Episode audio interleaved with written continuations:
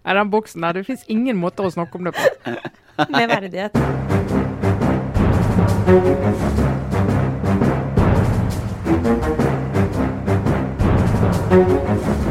Eh, nei, men Da setter vi i gang med Aftenpodden et, etter ferien. Vi lovte jo egentlig å være på plass i forrige uke, men da var det, da var for mye sol og sommer og skjærgård og andre ting som Ja. eh, gjorde at det, det kunne vi ikke levere på. Men eh, nå er vi her for fullt, alle tre i studio. Hallo, hallo, Trine Eilertsen. Hallo, hallo. Det er også så hyggelig å være tilbake.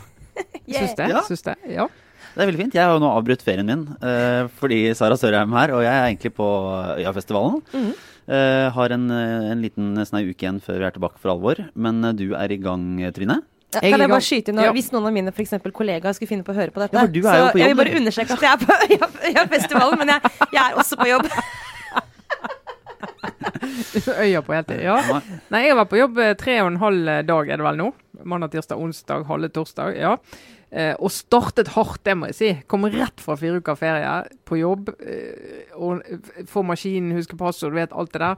Og så gå på blå utested her i Oslo klokken seks på kvelden for å se Jonas og Erna i duell. Ja, så det var en ganske sånn Da fikk vi revet av plasteret ganske eh, effektivt. Ja, for nå er, vi, nå er vi i gang for alvor. Det er jo ikke, nå er det jo en, eh, omtrent akkurat en måned til, eh, til kommunevalget. Mm. Er valgkampen eh, er det, liksom, er det ordentlig i gang, eller er det nå det starter? Jeg merker at eh, når man er på ferie, så får man bare sånn veldig små drypp. Men med eh, Solberg mot Støre i den duellen, så nådde det plutselig avisenes forsider eh, igjen. Ja, det gjorde jo det. Eh, Jeg tror For mange så tror jeg følelsen er at han starta med partilederduell på NRK på mandag, som jo avholdes i Arendal, der Arendalsuken er. Eh, Åpenbart. Eh, Men Erna og Jonas og et par andre altså de har jobbet masse lokalt. Reist rundt i landet, for det er jo lokalvalgkamp. Eh, og det er liksom nå, men det er nå det begynner her sånn nasjonalt og virkelig å ta seg opp. Da merker, merket det denne uken her, altså. Så spørs det litt hvordan man måler liksom, hva er egentlig at valgkampen er i gang. Fordi uh, rent sånn formelt så har nå alle partiene, tror jeg, bortsett fra KrF, hatt sin sånn, sitt sånn kickoff-arrangement. Uh, men det er jo mer eller mindre sånn når et tre faller i skogen, så ingen ser det. Har det da falt? Altså, Jeg liker at når, når Sara nå er i NTB, eh, så, så har hun plutselig sånn full kontroll på alle sånne kalenderhendelser. ja. altså, er det noe dere lurer på rundt kalenderting, så spør meg. Men jeg bare understreker at det gjelder ikke min private kalender. Der er det fortsatt like kaos som det alltid er. Men uh, en viktig del av et nyhetsbyrå sitt virke er jo på en måte å vite hva som skal skje. Så det, jeg håper at våre lyttere kan få glede av dette. Uh, det er ikke helt sikkert. Jeg skal prøve å ikke rante om sånne, det som skjer neste uke, kalenderoppføringsting. Men i hvert fall så er partiene er jo i gang. Eh, og det er jo konkurranse hvert år om å, få, om å starte tidlig nok og sånn. Så nå eh, får vi bare håpe at det også dukker opp noen saker snart som eh, vil prege debatten, og ikke bare at de er på Elverum eller et eller annet sted og gjør noe kjedelig. Men Trine, det var altså det på Blå i Oslo. Det var, eh, det var Høyre mot Arbeiderpartiet. Eh, Dette hadde de organisert sjøl, men kan ikke bare tenke liksom, hvordan, hvordan var det? Hvordan Var det mye folk der? Var det Var det en altså, happening, Ja. liksom? Det er jo en litt sånn uh, nymotens greie, det der at de to store partiene de arrangerer sin egen sånn partilederduell, der de to får snakke ordentlig ut. Det var en time, vet du. Der de får snakke ordentlig ut. og De får velge et tema hver. Høyre hadde valgt skole, Arbeiderpartiet hadde valgt uh, arbeidsliv. Og så måtte de snakke litt om klima og litt om eldreomsorg og litt sånt innimellom. Men uh, så er det jo Det er jo kun partikaniner som er der. Eh, masse presse, åpenbart. Og masse rådgivere. Eh, så det er ikke noe sånn folkefest. Det ville jo være synd å si. Og så blir det streamet. Jeg vet ikke om VG streamer det, men de er vel kanskje Jo. de eneste. Eh, og ja, NTB tar det vel opp og litt sånn, men det er heller ikke noe sånn stort der ute, da. Eh, Så kan du jo eh, spørre deg hva som er hensikten med det. Altså Både Arbeiderpartiet og Høyre de er veldig avhengige av hverandre, og at det eksisterer en konfliktlinje mellom de når det er valgkamp.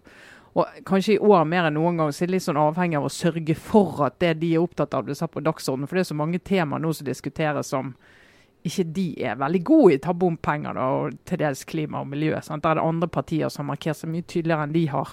Eh, så nå fikk de snakke om noen sånn yndlingstema for de, men om de klarer å ta det med seg inn i dagsorden etter det, det er jo spennende, da. Ja, hvordan.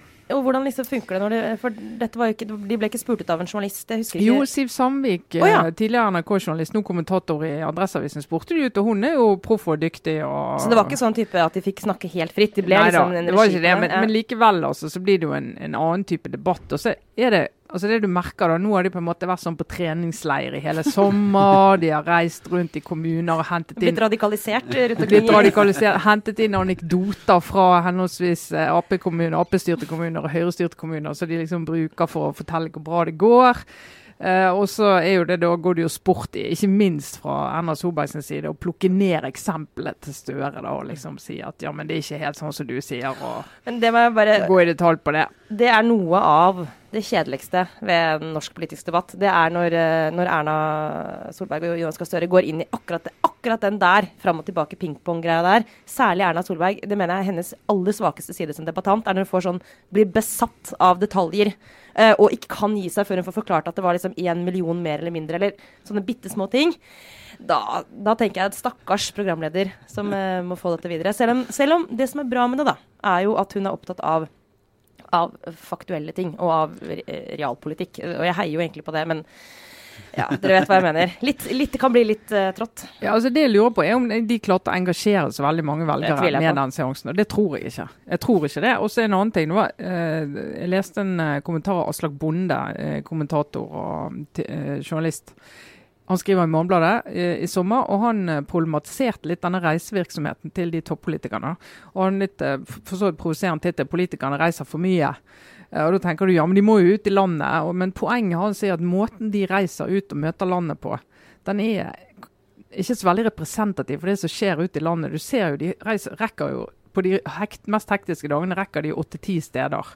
Og Der sitter jo det folk klare med PowerPoint-presentasjoner og eksempler på et eller annet som skjer i en bedrift eller på en skole eller et eller annet sånn solskinns eh, et eller annet. Det er egentlig sånn eh, Hva det heter? Potemkin-kulisse? Ja, si det ja, det er litt riktig. sånn. Ja. Og de samler inn sånne eksempler på ting som skjer der ute. Mens eh, Bondes poeng var egentlig at Einar Gerhardsen, som jo var kjent for, og sa også det at det er lærermester i den frokosten jeg spiser med han. Han er overnattet hos dagen Altså dagen etter når vi satt og spiste frokost, for da liksom får skuldrene ned, og du får høre litt hvordan det er å leve her. Og den posisjonen, altså en Støre og en Solberg, kommer jo aldri i den posisjonen med folk. igjen. er at folk blir fullstendig starstruck når de kommer. Eh, For de er store nasjonale kjendiser. Og det andre er at de har jo egentlig ikke tid til å sette seg ned og snakke med folk på ekte når de har ja, bare snakke om hvordan de har det, hvordan de lever, hvordan det er. Sånn. Så det, det er liksom de hele tiden haster videre. Vi har jo jeg har jo vært på en del sånne seanser for å dekke det eller kommentere det. Og da, hvis det er én ting de er preget av, så er det jo at det står det står politifolk med propp i øret, og så står det rådgivere og, og slår på klokken. Og så står det, ja, så står det fire stykker fra det lokale partiet som alle har sånn Dette er deres store mulighet til Ja. å, eh, Ja, og til de å prate skal få tatt bilder Ja. av seg sjøl sammen med partilederen, det er jo kjempeviktig. altså, en sånn næringslivs, lokal næringslivsleder eller ansatt på et sykehjem som eh, blir dytta litt sånn fram og tilbake av Ja. alle de profesjonelle aktørene i dette. Og så Og så skal de bli stilt spørsmål når alle vi Mm. står og ser på. Ja, hva, hvordan er det å jobbe her? Og jo, hva, altså, hva skal Kjempebra. du si da? Det er jo som om noen kommer inn her og Espen, så vil jo jeg si nei, det, det går fint, det. Ja. Og så flokke en blikk og tenke kan det snart slutte nå? Ja, men Så, så det hele ja. den måten de er ute og liksom blir kjent med Norge på, det syns jeg, jeg, synes jeg Bonde hadde en interessant eh, altså Problematiserte det på en interessant måte. Og det de gjør, de tar med seg alle disse anekdotene inn i debattene. og liksom For, for å illustrere hvor godt de kjenner folks liv og bedriftene og studentene og sykepleierne. og liksom, Og lesser på og lesser på. Det litt sånn konkurranse sånn Her om dagen var jeg i Elverum, her om dagen var jeg i Fosen, og så kommer den og sånn. Og så, Det blir så veldig sånn utenpå, oppå. Det virker Ja. ikke helt ekte, da. Det spørs jo på en måte også hva egentlig partiledernes rolle er i en lokal altså kommunevalgkamp. For det er liksom, De er for fjernt unna. Den valgkampen her avgjøres jo liksom eh, Lokalt, ja. ja. Men det de vel ser, er jo en mulighet til å løfte noen temaer. da. Her fikk de jo velge, siden de arrangerte den debatten sjøl, så kunne de vel eh, løfte de temaene de ville. Bare helt kort, hva er det som var da sånne der kjernepunktene, eller hva er det de ville få fram på henholdsvis skole og arbeidsliv? Ja, altså Arbeiderpartiet de er opptatt av deltid. Eh, altså få heltid inn i, altså Først og fremst heltid i helse og omsorg i kommunene. Det er for mange sånne idiotiske stillingsprosenter. Du kan søke stillinger på 4,9% og 12,5 og, og du kan bygge deg for så vidt en heltidsstilling, men det blir vel så uhåndterlig. Eh, og det er jo, Høyre også mener jo at det er et problem. Eh, men så er det hvordan skal du løse det. Så Arbeiderpartiet er veldig offensiv på å si at vi i våre kommuner skal vi jobbe for kun heltidsstillinger skal lyses ut. Og Høyre er litt sånn ja, men det er ikke så lett. Hvordan, hva skal du gjøre med turnusen og alt sånt. Men det, det er en god diskusjon om det, syns jeg. Eh, og substansiell og veldig og viktig. Eh, og på skole så blir det jo fort sånn skolemat versus innhold i skolen. da. Mm. Uh, Arbeiderpartiet mener at uh, vi, kan, vi har råd til skolemat. Hvis vi har litt færre skattelettelser, så har vi råd til skolemat og å satse på lærere og tidlig innsats. Og Høyre sier at vi er nødt til å prioritere, og da kan ikke vi begynne med det som foreldrene klarer å gjøre sjøl, nemlig smøre matpakke. om vi bruker ressursene på eh, lærer, kompetanse til lærerne og, og tidlig innsats, da, som er Det sammen. Høyre jobber jo eh, veldig aktivt på Instagram. eh, og mulig algoritmen gjør at jeg bare ser Høyre sine så, me, eh, memes eh, som de legger ut etter debatter. Men da var det det eh, sitatet som eh, jeg har sett nå tusen ganger i min, min strøm, som er nettopp at Erna sier et eller annet om at du kan ikke putte en, eh, du kan putte Ja, en matpakke i sekken, men ikke en flink mattelærer. Ja, ja, Tydeligvis veldig fornøyd med med den replikken. Så, det er sånne ting lager de og, og får sagt masse. Jonas hadde med seg en liste med one-liner. Så de selvfølgelig, vi kommer til å høre det igjen, eh, for å si det sånn. Men, det, men altså, jeg syns jo begge de debattene var, var gode. Eh, og så eh, de jo, ble de jo utfordret litt på at Senterpartiet og bompengepartiet, og ikke minst Senterpartiet, liksom børster med seg hele Nord-Norge. Mm. Eh, og liksom kan svare på det. klarer jo ingen av de å svare veldig godt på. Nei, for de, det er jo de klarer ikke helt å gå inn i det. For det, Jonas er litt inne på det og sier at ja, Trygve da, i Senterpartiet er veldig god til å beskrive problemene og, og fortelle liksom det har, Han klarer å kjenne igjen hvordan det oppleves, men vi har løsningene. Underforstått, De har ikke løsningene, men det har vi. Og Høyre er jo, står jo der og har sittet ved makten i seks år og kan på en måte ikke bare hengi seg til problembeskrivelser. Så hun må jo prøve å fortelle at ja, men egentlig går det bra. Sant? Så det, er mulig dere, jo- det er mulig dere ikke har fått det med dere, men det går kanonbra. Sant? Så det, Men jeg kan jo mistenke at mens de står i Oslo og diskuterer disse tingene, så er det én som sitter på et kjøkkenbord med en kaffekopp og hører om ekte problemer. sant? Du vet, vi vet hvem det er. ja, men jeg vet faktisk ikke om partiledere gjør det Ja, men så I hvert fall så kommer Trygve Slagsvold Vedum til å få det til å virke som om. Ja, ja. Fordi han er en retorisk mester. At han har sittet og hørt snakket med ekte folk og, det, og tatt med seg hele Nord-Norge. Ja, nå har du eh, den de andre- kaffekoppstrategien Nettopp, for 1000 kaffekopper, eller var det Men så- 10 000? Men så er det jo en eh, eh, Det ender jo da opp med at, øh, du har skrevet om på en måte, hvem som vant. Da, Mm. De andre store avisene og nettstedene har, har kåret en vinner. Eh, har, har det noe å si hvem som vinner en sånn duell? Ne, altså det, vi, det vi har merket litt før, og det, det gjør jo at jeg syns det er verdt å problematisere denne måten å gjøre det på, det er jo at vi liksom kårer veldig tidlig en, eh, en god og en dårlig partileder av de to, særlig de to største partiene. Og det henger ved det gjennom valgkampen. da. Så hvis du får litt sånn taperstempel Husker eh, Støre for et par år siden fikk litt sånn, eh, og han fikk det ikke til stempel. og Det ble liksom hang ved han gjennom hele valgkampen. og det Egentlig da, så syns jeg ikke at det er helt rettferdig. For det første, det er litt sånn som når du tar eh, eksamen på skolen. sant? Du har en dårlig dag og du gjør en dårlig eksamen. Det betyr jo ikke at alt du driver med er helt elendig. Det betyr jo ikke at alle møtene du har som da sensor aldri ser, at de ikke virker. sant? Og disse, Dette er jo mennesker som møter folk i mange forskjellige settinger. Og, og det blir litt sånn grunt å, å kategorisere en hel person og jobb en person gjør pga. en sånn hendelse som det der. Men hvorfor gjør vi det likevel da? Nei, så er det jo en sånn opplevelse av at eh, selv i TV-debattene, vi vet jo det at folk er opptatt av hvordan de politikerne fremstår på rikssendt TV. Og så jobber jo vi journalister, politiske journalister veldig hardt med å gjøre politisk journalistikk så interessant at flest mulig blir interessert i det, og at folk som ellers ikke er interessert i det, kan fenges av det. Og det er klart Både personfokus og konflikt gjør jo at du kan få opp ting som gjør at flere får med seg hva som skjer, mer enn denne litt eh, bedøvende strømmen av ting som skjer og ikke skjer, som de mest feinschmecker-interesserte jo får med seg uansett. Men det er jo ikke de vi skal prøve å fange nå, for de får det med seg uansett. Vi er nødt til å prøve å fange flere velgere, da, at de skal få med seg ting. Og da det, regner vi jo det som en god knagg å få en del folk inn på, da. Ja, for det er jo en fare for at det blir en sånn metadebatt. Altså det er litt sånn at, det, at spillet fanger sånn Hvem er det som har vært gode, hvem er det som har vært dårlige?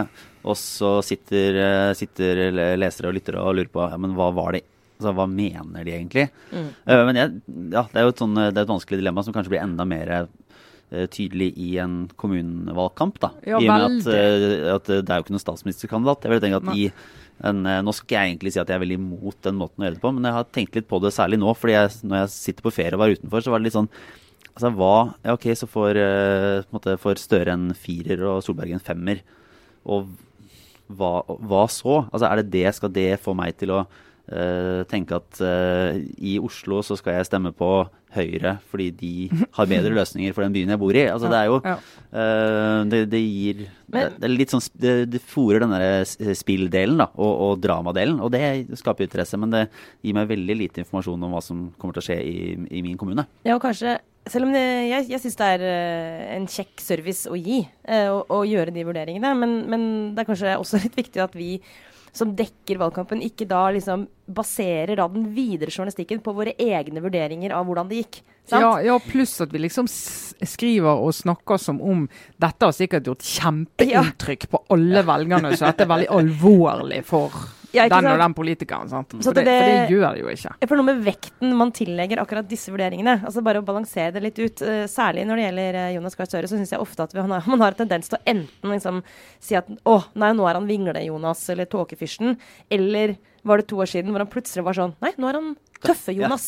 Eh, men han er, han er altså, Og den der, også ikke sant, den derre eh, trangen til å skal sette merkelapper eh, som skal være litt treffende og gjerne litt sånn polariserende på de ulike skikkelsene. Det blir jo en forflatning, men det er ikke noe gærent å gjøre det. Det er bare ja, den evige balansen som er liksom noe av nøkkelen, tror jeg. Ikke bare gjør det. Eh, så er det videre egentlig til ukas eh, store spørsmål, som jeg mener er Hvordan sykle en vase hjem fra Glassmagasinet? Ja, går det an? Ah, Christian Tybring-Gjedde i, eh, i spørsmålet om, eh, om, om en bilfri, et bilfritt Oslo sentrum. Som Det er mulig med- å leve i. Ja, og det, altså, det er kanskje er nei. Ja, eller svaret er i hvert fall uh, Et av problemene som løftes fram, er, er muligheten for å skal kjøpe en stor vase på Glassmagasinet, Ja. kan ikke, kan ikke sykle den hjem. Nei, altså Han representerer jo mitt nabolag, faktisk, her i Oslo. Eh, har jeg forstått. At vi, så jeg kjenner jo på dette daglige denne transport, dette marerittet. Eh, at det er, hu- det er verste av alt. Han har faktisk litt rett. Det er helt umulig omtrent å kjøre bil på en fornuftig måte fra Frogner-Briskeby-distriktet ned til sentrum. Eh, Løkkeveien, nå er vi veldig, lokale her, er f.eks. stengt. Men poenget er at det er jo kjempebra, fordi det er jo så kort. Det tar et kvarter å gå og tre minutter å sykle. Men det Så- går jo trikk og Det går trikk, alt det går buss, det, går, det, altså det er så mye transportmuligheter. Så at, og, eh, og så må du passere Slottsparken, hvor det uansett ikke går an å kjøre bil. Så liksom, hvis du på død og liv skal kjøre bil ned til sentrum, må du uansett ta en kjempestor omvei. Eh, helt uavhengig av hva, Miljøpartiet De Grønne har. Altså, Slottsparken er der, liksom. Du kan ikke kjøre. Altså, hele problemstillingen er helt absurd. Men, men hvis du da faktisk skal kjøpe en gigantisk vase da, en gang i livet på Glassmagasinet, så har du sikkert råd til å ta en taxi til å kjøre rundt Ringveien, liksom. Eller nå har jo dette blitt uh, gjenstand for all mulig slags uh, både faktasjekker og uh, satire. Så det viser seg jo at nå, blir, nå skal vi ikke Det andre magasiner finnes enn Glassmagasinet. Så hvis noen skal handle ting, så kan de Det er ikke en reklame for dem, men de tilbyr også sånn gratis hjemkjøring. Ja, nettopp. Så- Men altså, eh, takk til Kristian Christian eh, Jo, Tybring-Gjedde. Ja. holdt jeg på å si Tybring-Torsk, men det er jo en fjern slektning av han. Um, takk til han for å bare i sin metaforbruk. Og det er alltid litt sånn eh, tragikomisk når man liksom velger en metafor som er så avslørende at det liksom bare Det fucker alt annet du har å si. Liksom skal, det er liksom som å si type sånn Det er så vanskelig å finne god hjelp til hjemme for tiden. Som Ja, en ja. metafor for eh, Ikke sant? Dere skjønner hva jeg mener. Det er bare Ja, Da får du heller lene deg på de anekdotene fra kommuner du har besøkt. da. Ja, faktisk bedre.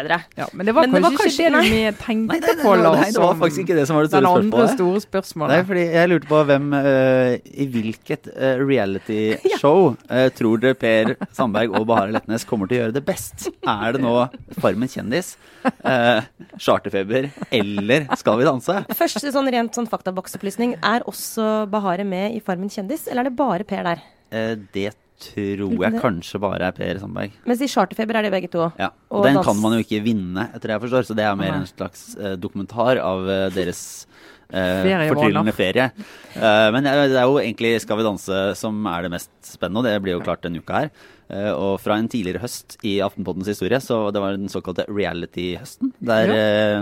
der eh, du, Trine, var og så live Stjernekamp. Finalen, ja. Ja, ja, ja, ja. Det var stor opplevelse. Ja, og jeg var på innspillingen av Skal vi danse, så dette er, føles som en slags eh, hjemmebane. Altså, nå jeg- er dette vår greie. Det Jeg kan jo avsløre at jeg er jo og jeg, jeg må bare, Disclaimer, det er ikke fordi det er noe bevisst. Men jeg har aldri sett Farmen kjendis, jeg har aldri sett Charterfeber. Jeg har faktisk aldri sett Skal vi danse. Nei, ikke heller. Jeg har altså ikke sett, så jeg kjenner ikke de programmene. Eh, det burde jeg sikkert gjort som et vanlig menneske i Norge. Men er det, eh, nå skal jeg si det, da. er det, er det positivt eller negativt at det er så kort vei fra en statsrådpost til reality-TV-bonanza? Eller er det, er, det, er det, et gode eller et, eh, et problem for uh, norske offentligheten? La, men la oss vri på det og si mer sånn uh, Er det et gode for, for det det beviser, er at politikere blir kjendiser. I og med at Hele poenget med, med, disse programmene er at det skal være kjente mennesker som er med. Så hvis du skal være litt positiv, kan du si sånn Ja, men det er fint fordi vi lever i et land hvor det å være politiker eh, Der folk er såpass opptatt av politikk at du blir kjendis av det og kvalifiserer for å være med i et reality-program. Robert Eriksson har du fått eh. Ok, ikke alle. men er det ikke En skulle jo tro da at noen som har vært med å dominere norsk politikk i eh, 20 år, hatt statsrådposter, vært nestleder i et stort parti at, at, hans kompetanse skulle vært ettertrakta av andre enn reality-TV-produsenter. Ja, og da har du mer den litt mer triste altså hvis, Men det vet vi jo ikke. Det kan jo være at han takket nei til lukrative rådgiverstillinger for alt vi vet, eh, og isteden prioritert eh, charterfeber, da. Altså, mener, vi, må, vi, må, holde det åpent. Ja. Men hvis det, ikke, hvis det, faktisk er sånn at dette her er av litt sånn desperasjon, så er det jo litt sånn Nå skal, nå skal jeg, jeg, skal være litt forsiktig, for det, det kan vel hende at han fikk vel oppretta et sånt konsulentselskap. Altså Han har opprettet sitt selskap for å drive, og dermed så tror jeg, eller, og, og da er vel den karanteneperioden forlenga. Så det er mulig at dette er en sånn karanteneaktivitet. Men uansett så er jeg iallfall spent på altså I denne eh, politiske debatten vi har, som de siste årene jo har vært en såpeopera i seg selv, eh, dessverre, får vi vel legge til, selv om det har absolutt sine underholdende sider, så er det jo egentlig bare en helt naturlig slags sånn avslutning på denne fasen her at det mest sette programmet på TV, for det tror jeg det er, Farmen kjendis, har med seg ikke bare én, altså du har Per Sandberg, men jeg vil også bare minne våre lyttere om at uh, den relativt profilerte Rødt-representanten i Stavanger, tidligere Klassekampen-journalist Mimir Kristiansson, jo også er med på Farmen kjendis. Ja. Sammen med Per Sandberg. Så det, det kan man, man, kan velge om man kan grå eller man, grå har du hørt, man kan gråte eller le over at politikere brukes på den måten. Men uansett så tror jeg kanskje at jeg skal vurdere for første gang å se på Farmen kjendis. Bare for å se på hva som skjer med Per Sandberg og Mimi Kristiansson. Ja, ja da, har jo, da er jo målet nådd. Da har jo de nådd et segment som de kanskje så, ellers ja. Nettopp. nettopp. og da er det enda flere som ser på det. Men, men, det som er jo eh, et faktum, er at veldig mange toppolitikere de sliter med å få jobb når de kommer ut. Uh, ut i virkeligheten igjen og er ferdig med Stortinget og ikke har noen verv. Uh, og Det tror jeg handler rett og slett om at de er i for stor grad uh, er enig i at de er for stor grad generalister. Altså, De er ikke spesialister på noe. så altså, Du kan gå inn og kanskje lede en organisasjon. eller et eller annet sånt. En del av de er jo ikke gode ledere, har vært inne på her før. Så det er ikke det at de automatisk har gode lederegenskaper fordi du har sittet på Stortinget eller vært nestleder i et parti. Altså, Overhodet ikke. Uh, og det å jobbe med politisk lederskap er noe helt annet enn å drive med lederskap andre steder. Så de er ikke egentlig nødvendigvis spesielt kvalifisert alltid. Uh, og så er det det ja, ja, du har jobbet med fisk, men altså ja. Det er det mange som har. Du, du kommer rett inn i en sånn konkurransen er tøff uh, situasjon. Så er det mange ekspolitikere som sliter med å få fornuftig arbeid. Altså. Det er mulig det som skal holde liksom, Det er tre kategorier egentlig som ekspolitiker. Det er uh, rådgiver, type First House, eller realityshow, eller bli fylkesmann. Ja. Det er de tre. Ja, fylkesmann er jo ikke mange som kan bli. Nei, så det, det... det ligger litt i sakens natur. Men så ja. tenker jeg jo at det er jo kanskje en sånn, hvis du er politiker, du skal kanskje ikke være for lenge hvis du har lyst til å gjøre noe annet. Nei, hvis du holder på i 20 år på Stortinget, så er plutselig det kompetansen du har. Og Da skal du ha tenkt gjennom hvert fall hvor den kan brukes. Men før vi runder av denne uhyre viktige samfunnsdebatten, så kan det jo også være, da, hvis vi Per Sandberg virkelig, virkelig nå er et PR-messig geni, så uh, sørger han for Nå kommer han til å være overalt uh, de neste ukene og månedene. På ja, han er navn. Og hvis han nå skal lansere et eller annet, han har ymta frampå at han ønsker seg et nytt parti og sånn, så er jo Skal vi danse direktesendt. De to andre er jo teipa ferdig. Men det sørger for mm. oppmerksomheten. Men nå har han Skal vi danse. Tenk om han har tenkt sånn Nå skal jeg bruke den plattformen til et eller annet. Altså noe. Jeg skal ta makten tilbake. Jeg skal liksom bare Nå skal jeg bare komme med et utspill som er helt vanvittig på Skal vi danse. Jeg tviler vel på. På skjermen. Du mener du, blir, blir, det, blir det uh, verre enn da Frank Løke stilte mer eller mindre naken og gnei seg mot ja. Nei, altså jeg bare, jeg bare sier at det, vi må Her kan alt skje. Så det, det var kjempereklame for Skal vi danse òg, ja. Sara. Det er bra. Oh, nei, uh, vi tar vel inn en liten uh, runde med obligatorisk refleksjon før vi går uh, i helg. Ja. da kan jeg gå inn ja. i underholdningssegmentet. Anbefale Jeg vet det er mange som har sett den, for jeg så det var en av de mest sette dokumentarene på NRK i sommer. Det skjønner jeg godt. Det er Free Solo, heter den. handler om uh, han eh, friklatreren. Det betyr altså en fjellklatrer som klatrer uten tau. Uh, I USA, som klatret denne El Capitan-toppen i uh, Yosemite, ja. den naturparken. Naturparken, hva heter det? Nasjonalparken heter det i USA. Uh, Alex Jeg kommer ikke på etternavnet. Men du er tilgitt, for du har fortsatt det man kaller I Norge har man liksom før Man har Unnskyld at jeg avbryter nå, men man har liksom forferien. Ja. Hvor man begynner å liksom, eh, gå på sommerfester istedenfor å jobbe. liksom. Så har man ferie, og så har man den såkalte etterferiefasen. Ikke Hvor det er lov å ikke huske passord, navn, eh, har veldig lange lunsjpauser, Kommer sent og gå tidlig. Og du, vi, du Ja, er jeg, inne i jeg, den har- jeg, har fasen, nett, Trine. jeg har googlet han. Alex Honnold heter han. Ja, heter han? Han er jo Ja. faktisk eh, fremdeles i live, og det må jeg bare si, det, det er pussig. Ja. Men han, veldig mange som driver med den type klatring, da, opp eh, Altså, jeg har klatret litt. Men så lite at jeg er jeg, Altså, jeg er ingen klatrer. Jeg Vil du, vil, ingen vil, klatrer. vil du virkelig uh, Nei, tegne ikke- deg inn på en sammenligning nei, nå? nei, nei. nei, Å nei. Det, det eneste jeg skal bare si, er at for alle som har vært borti klatring, og vet jo dette her eh, karaktersystemet holdt jeg på å si, på vanskelige ruter og sånn, så vet vi at når vi kommer opp i sånn åtte, åtte pluss og åtte Det er fra én og oppover, liksom? Ja, det, det er ikke mulig for et menneske som oss å drive med. Altså Det er helt sånn loddrette fjellvegger du henger ut. Og i- med tau er det ekstremt vanskelig. Han gjør det uten tau. Han klatret opp en fjellvegg som er omtrent en kilometer høy Oh. alene. Eh, og forberedelsene til den klatreturen Og jeg, for, for å si det også, jeg har en fin høydeskrekk. Så å se en person som klatrer opp en sånn fjellvegg den dokumentarfilmen var svett på hele kroppen. Det var sånn film av svette på hele kroppen. Og hendene var helt sånn glatte. Men jeg visste jo at han overlevde, det visste jeg, for det hadde jeg jo lest om. Eller jeg hadde jo visst hvis han døde.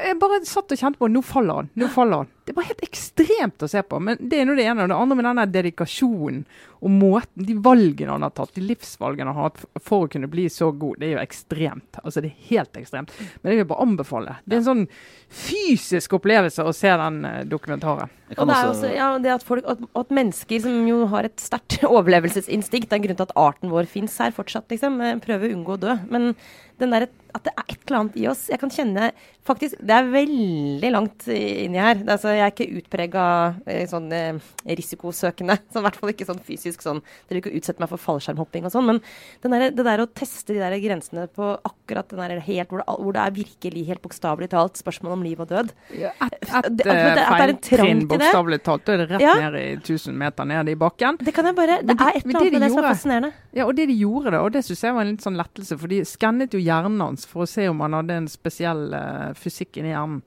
Og undersøkte spesielt fryktsenteret, da. Som er jo det, når jeg sitter og svetter i sofaen, så er det jo fryktsenteret mitt som reagerer på å se på TV. Altså jeg sitter med beina på bakken i sofaen og jeg liksom får alle reaksjonene.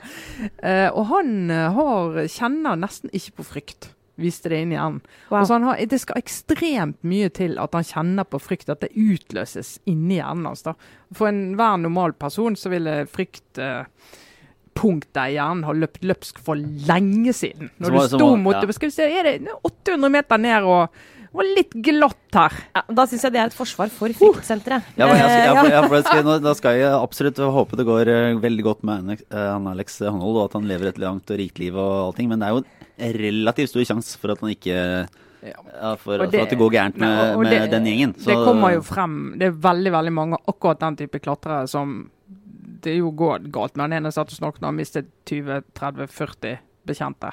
Mm. Og det er jo mer enn de fleste av oss kan snakke Ja. om. Så det, er, eh, jeg kan, det er faktisk, han ble intervjua i A-magasinet en gang i vår, så jeg kan da dele den på Facebook-sida også. Ja, lov oss det. Jepp. Sara, hva tenker du på inn i helgen? Nei, nå har jeg lyst til å si noen ord om, eh, om eh, Ingrid Aune, faktisk. eh, som eh, var en politiker i Arbeiderpartiet som helt, på helt sånn eh, ekstremt dramatisk vis eh, omkom i forrige uke. Det er bare en uke siden. Det føles så lenge siden.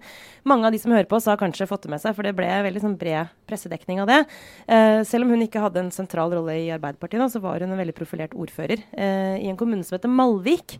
Eh, og så tenkte jeg at siden vi står ved inngangen nå til kommunevalgkampen, så har jeg siste uka gått og tenkt en del på en av de første gangene jeg møtte Ingrid Aune, som jeg kjente gjennom jobben, og som veldig mange journalister kjente, for hun var jo var en sånn som prata med folk, og benytta enhver anledning til å komme med noen poenger. Altså, var, altså, hvis hun så en journalist, så sa hun alltid noe. Men og jeg husker så godt, og, og det syns jeg egentlig er til hennes ære og fint å liksom ta med seg. Uh, ja, litt sånn for å minnes henne. Hun tok meg altså så for seg. Uh, det var faktisk i Trondheim, vi hadde vært der med Aftenpodden. Uh, som ordfører for et lite sted, så holdt hun en jeg, jeg holdt på å si kjennepreken, men det var ikke det. Det var en blanding av kjennepreken og litt sånn flammende folketale. Du vet, Det er noen politikere som alltid kan falle inn i sånn folketalemodus, mm. selv om det er bare i en én-til-én-samtale. Mm. Kan være irriterende, men denne gangen var det egentlig på sin plass. fordi hennes poeng var at jeg som representant for Oslo-pressen liksom var blind for, eller i hvert fall hadde hatt problemer med å se, uh, det som ofte var hennes poeng, nemlig at politikk må uh, bygges nedenfra. Samfunnet må bygges nedenfra, og politikk starter i det lokale. Uh, og på mitt felt den gangen, kulturjournalistikken, så var hun opptatt også av at vi i kulturjournalistikken liksom var så opptatt av å se liksom de store linjene og skulle inn i idédebattene. Mens vi mente hun var blinde for at hvis du skal se på hvordan kultur virker i samfunnet, og hvordan det kan være en kraft eh, som vi ønsker å bevare, så må du se på hva kultur, f.eks. et kulturtilbud, kan gjøre for helt, altså for små lokale samfunn. eh, som et sånt lim, lim i samfunnet. Og hvis ikke du forstår det, hvis ikke du skjønner, liksom, hvis ikke du gidder å bry deg om den minste bestanddelen, så er egentlig alt det der du skal mene om det store bildet Det mangler jording, da. Mm. Ikke sant? Mm. Og det der var, Hun har jo et poeng, syns jeg, i mm. den, i den, holdningen der. Og det syns jeg, særlig når vi har snakka om det før i sendinga, og det med ja, eh, Solberg og Støre og partiledelsen, og hvilken rolle har de egentlig i den lokale uh, valgkampen vi går inn i nå. Og det er jo egentlig Ingrid Aunes gode poeng òg, at vi må ikke bli blinde for, at, for alle de små tingene som til sammen utgjør mm. Det vi egentlig snakker om når vi snakker om politikk. da. Mm. Hun var vel også en, også en, veldig inspirerende politiker som tok et valg uh, ung om å gå flytte tilbake uh, ut av uh, sentrale partiapparatet og, og, regjeringsapparatet og flytte tilbake og gjøre en innsats lokalt. Mm.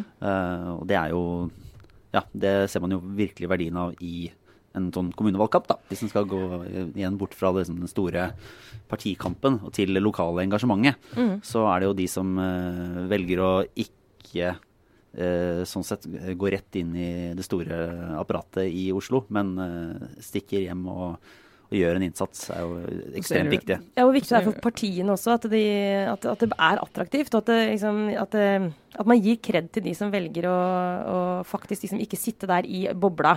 Selv om det sikkert er veldig fristende. Og, og Ingrid Aune hadde et nettverk og, og, evner også, ikke minst, som, som nok altså Hun ville helt sikkert fått en sånn jobb sentralt hvis hun ville det.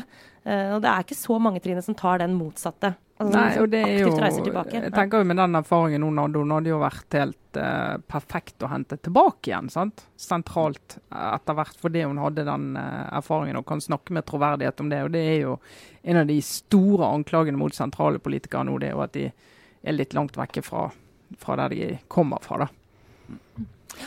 Eh, jeg skal ta det inn i neste uke, for da er det Arendalsuka. Og vi skal ha en liten livesending på tirsdagen. Ja, altså Nok en gang så er vi jo i den fasen som Dette er et ilandsproblem. Kan ikke klage, men den er litt sånn, det er krevende. Jeg vil si at det er absolutt krevende å gå rett eh, sånn back to back, Øya og så Arendal.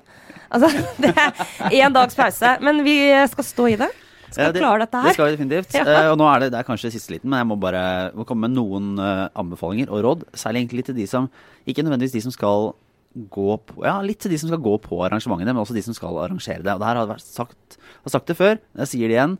Uh, er noen grunnregler og de forbryter seg mot det til stadighet. Altså Nå er vi inne i denne fasen av Hvis vi skulle lagd en liten snutt nå, så er det sånn Lars gir Hva skal vi kalle dette her for noe? Lars sin og, guide til Arendalsuka, eller mer sånn ditt oppgjør med Arendalsuka? Ja, Hvor er vi? oppdrar Arendalsuka. Lars oppdrar Arendalsuka. OK, slutt.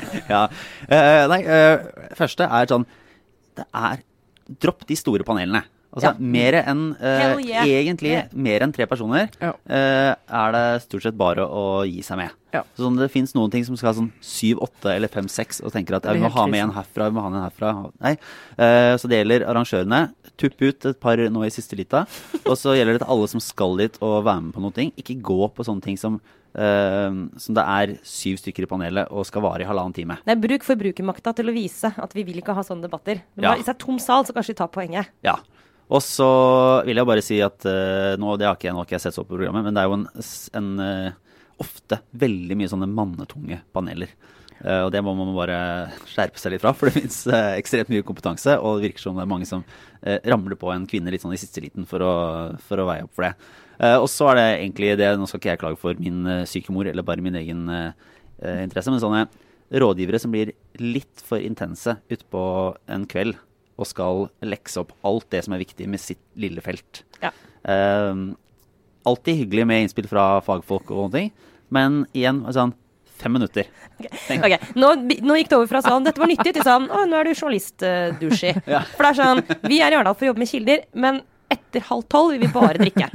Da, eller hvis du skal si noe som er en eksklusiv uh, nyhet. Men hvis du skal ja, altså, ja, ja. Lars, det går ikke an. Vi må si sånn Vi er alltid tilgjengelige for innspill. Ja ja, men, men, det, men her er det jo her er det jo igjen sånn Det er ikke så lange innspill. Ja, okay, ja ikke sant. Vi vil, vi vil, ha innspill fra så mange som mulig. Så hvis det er noen som er sånn derre Holder tak i armen liksom, din og tar tre kvarter om ja, ok, eh, enig. Ja, så, så det... det... tar av alles tid, ikke minst min.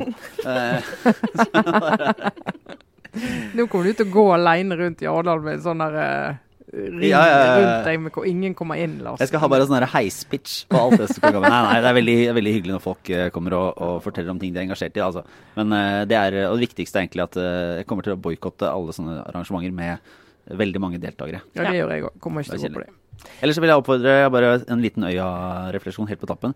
Jeg ser nå at Uh, siden det er sånn vekslende vær. Da ser man øya er jo et, eh, en arena for veldig mange som eh, kler seg opp og gjør, legger mye innsats i hva de skal ha på seg og hvordan det skal se ut. Ja. og der har jeg sett at der, alle har stort sett med seg et sånn lite nett. og da vil jeg bare slå et slag for Aftenpodden-nettene våre. Ja. Mm. for det, det ser jeg er en sånn sosial markør på hva, hva, som, hva, folk har med seg. Det er veldig mye sånne eh, Louisiana og Moma og eh, The New Yorker og litt sånn feinschmecker-nett. Veldig få sånn Coop Extra-ting. Eh, Eller leverposteinettet som mine barn har i barnehagen. Sånn gult sånn leverposteinett. Men nå er vi over i trendfølelse med Lars kommer med tips til hvordan lykkes i hipstermølja. Det setter vi pris på. Du, men du mener at de som har det Aftenpodden-nettet, må kjenne sin besøkelsestid? Ja, ja jeg, tenker, jeg tenker at du mener det... står de med den og, mellom den og Coop-posen, plastposen, da vet de hva de må velge? Ja, ja. Okay. Ellers kan man gå helt motstrøms. Men hvis jeg hadde hatt en liten, uh, en liten Øya-motorblogg, så hadde det vært mitt uh, lille fokus. Og det burde uh, du hatt, Lars. Ja. at, at, det ikke fins, det, det, det, kan jeg ikke forstå. Neste år blir det. Ja. nei, men da, jeg tror ikke det var noe mer enn det her, altså. Nei, jeg tror jeg holder det. Ja, men vi, vi, er på plass i Arendal neste uke, og det tirsdag. blir vel tirsdag ca. klokka fem. Og Da blir det måling, kan jeg varsle. Ja, da er det måling. Og det er dagen etter den store partilederdebatten. Er vi sant å huske hvor i Arendal vi har sending? Nei. Nei. Nei. Men det er i Arendal. Det er umulig. Altså, det er ikke så stort. Så bare, vi, dere finner oss, dere som er der. Ja. Kom og hør på. Det blir en fin sånn ettermiddags... Og de som ikke er der, de får det jo på utlagt, holdt jeg på å si. Det er, det er, ambisjonen. Det er planen. Ja.